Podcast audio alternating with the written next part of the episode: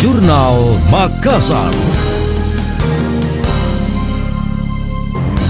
Saya Priscila Rini dalam Jurnal Makassar. Sidang terdakwa Gubernur Sulawesi Selatan nonaktif Nurdin Abdullah dan ex-sekdis PUTR Edi Rahmat terus bergulir. Kali ini Jaksa Penuntut Umum atau JPU KPK memanggil lima saksi untuk dimintai keterangan.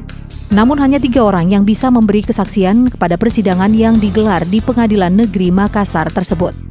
Mereka adalah Irfandi, supir Edi Rahmat, Nuryadi, supir Agung Sucipto, serta Abdul Rahman selaku Direktur PT Purnama Karya Nugraha yang hadir secara virtual lantaran sedang berada di Jakarta.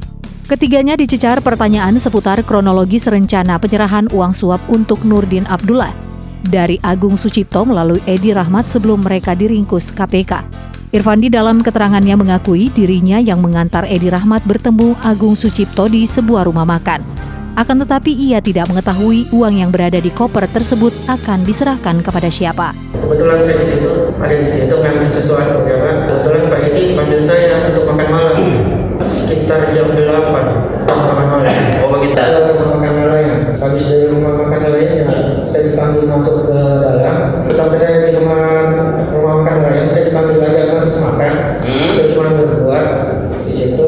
Habis saya makan, habis setelah saya makan, saya disuruh untuk keluar ke mobil hmm. untuk menunggu.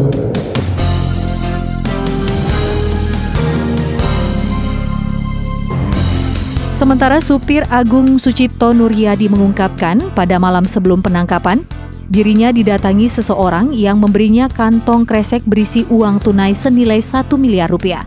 Oleh majikannya, Nuryadi langsung diarahkan bertemu Edi Rahmat di rumah makan nelayan Jalan Ali Malaka.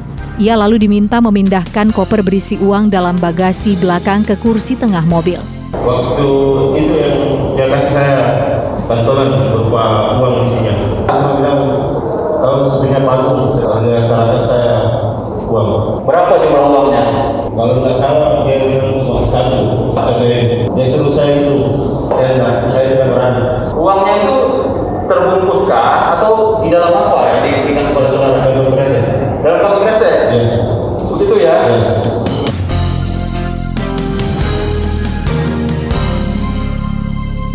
Setelah pertemuan tersebut, mereka lantas melakukan perjalanan pulang ke kediaman Agung Sucipto di Bulukumba. Tetapi naas, KPK menangkap mereka ketika dalam perjalanan. Anda tengah mendengar Jurnal Makassar. Kepala Bidang Yankumham Kemenkumham Sulawesi Selatan Muhammad Yadi mengatakan, selama tahun 2021 pihaknya sudah mengusulkan sebanyak 156 kekayaan intelektual komunal atau KIK dari Sulawesi Selatan untuk diinventarisir. Yadi mengatakan KIK merupakan warisan budaya tradisional yang kepemilikannya bersifat kelompok.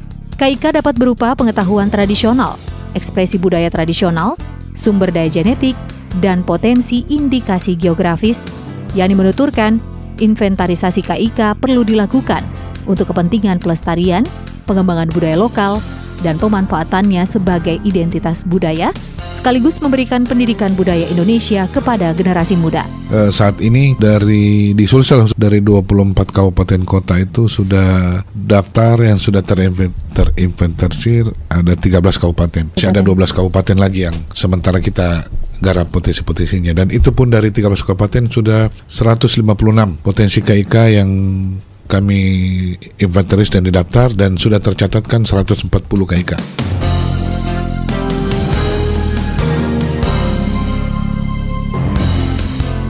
Yadik menambahkan, saat ini pihaknya tengah berupaya mendorong jumlah KIK di Sulawesi Selatan.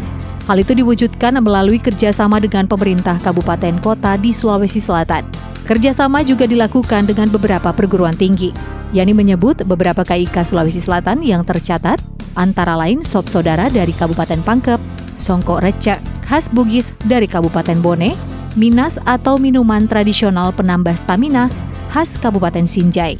Ada pula pesta panen ala Bugis di kota Parepare dan Masure atau pembacaan naskah Ilagaligo dengan melagu dari Wajo.